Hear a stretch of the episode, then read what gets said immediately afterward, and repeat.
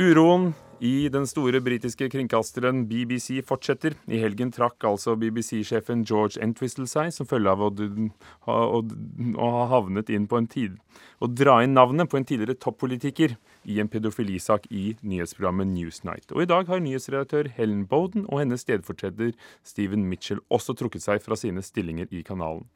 Jan Erik Mustad, førstelektor ved Universitetet i Agder og Storbritannia-ekspert, hvor alvorlig er situasjonen for BBC slik du ser det? Eh, situasjonen er veldig alvorlig, og avgangene til disse sjefene som du nettopp nevnte navnet på, tilsier at dette er en alvorlig situasjon. Men samtidig så må en si at avgangene i seg sjøl nok ikke er nok. Det må skje noen radikale endringer organisatorisk i BBC, og at eh, linjene fra eh, journalister til redaktører og videre til sjefene må bli klarere. Så én ting er at folk trekker seg. Det neste skrittet er kanskje det viktigste i BBCs historie akkurat nå, fordi at de ikke har vært i en sånn type situasjon tidligere. Men politisk sett er vel dette vann på mølla for de konservative og den konservative pressen. F.eks. det at uh, sjefen får med seg uh, fire, over 4 millioner kroner i lønn etter 54 dagers innsats. Ja, det er jo dette her som er helt horribelt. og Nå ble det jo akkurat sagt i Underhuset av, av kulturministeren Maria Miller nå at uh, dette her står jo selvfølgelig overhodet ikke i stil med det man ser for seg i forhold til hva avgåtte sjefer skal ha med seg i sluttoppgjør. Så, så dette her vil jo få Eh, politisk etterspill, både når det gjelder eh, ansettelsen hans og denne korte opptredenen hans i sjefsstolen, men selvfølgelig også det eh, som, som går på, på, på sluttoppgjøret hans her. Kristin Skare Orgeré, førsteamanuensis i journalistikk og medier ved Høgskolen i Oslo. Kan du minne oss på hvilke fadeser er det som har vært den siste tiden for BBC? Ja, for her kommer jo ikke denne siste fadesen helt alene. Dette er jo et pågående drama som ingen ende vil ta. Uh, og uh, som vi var inne på her, Entwistle har altså bare sittet i 54 dager. Hans forgjenger ble også sterkt kritisert for å ikke for helt åpne dører, har tatt en rekke avgjørelser uh, med veldig store konsekvenser for allmennkringkasteren BBC. Uh, blant annet da at man skulle fryse lisensene i, de neste årene, som igjen får store konsekvenser for det journalistiske.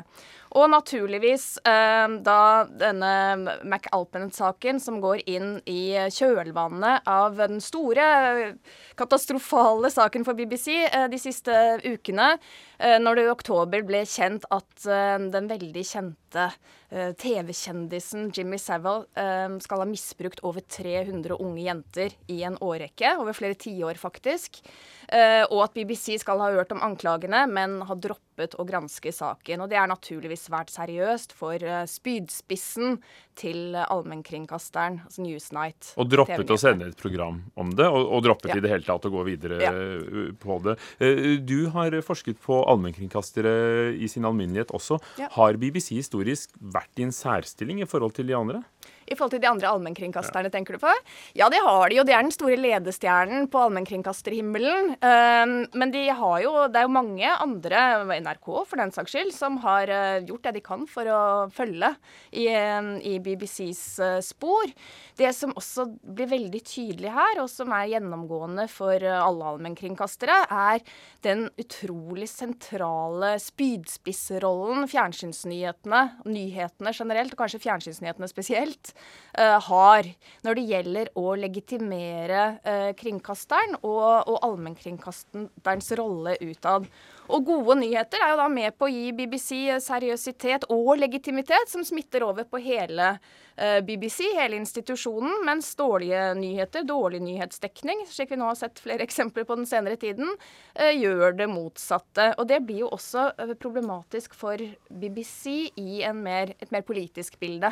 Og der har jeg et spørsmål til dere begge, begge for å begynne med deg, Jan Erik Mustad. Hvordan kunne det skje? Ja, det kan du si. Nå, nå, er det jo veldig mange journalister i de andre mediene i Storbritannia som har pekt på denne nokså innfløkte strukturen i BBC, og at BBC fra 1920-tallet og fram til i dag har vokst seg veldig, veldig store. At det er uoversiktlige linjer, som jeg var inne på i begynnelsen, det ser nokså åpenbart ut at det er. Eh, og, dermed så blir eh, denne strukturen eh, litt sånn, den kommer litt i veien for journalistikkens linjer.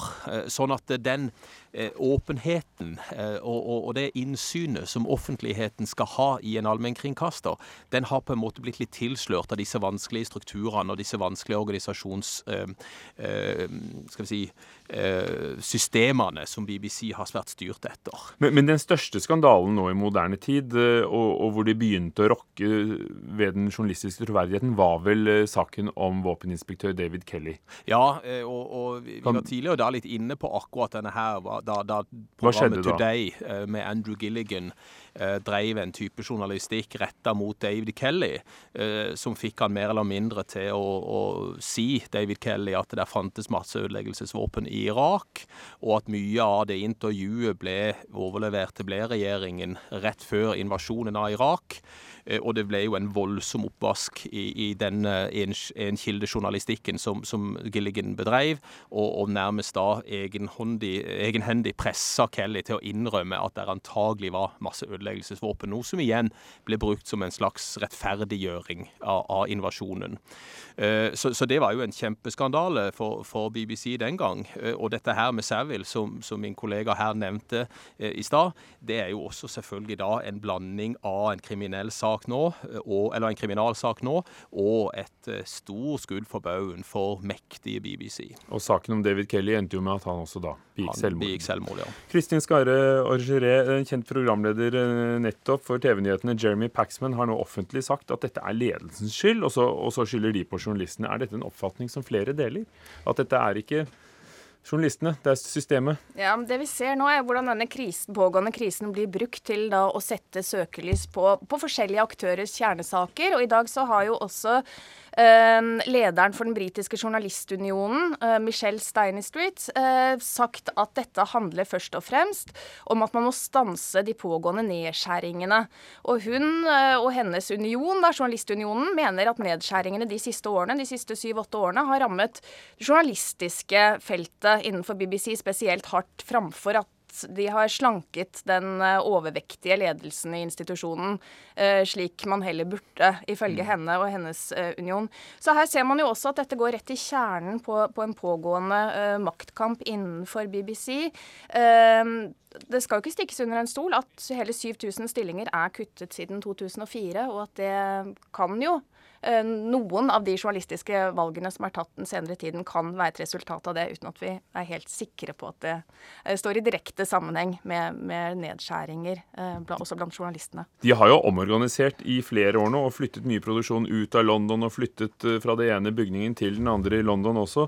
Og, og nå ligger det et stort nyhetshus der like ved Oxford Circus. Og Jan Erik Mustad, hva, hva tror du de må gjøre for å få omdømmet på, på plass igjen, også politisk?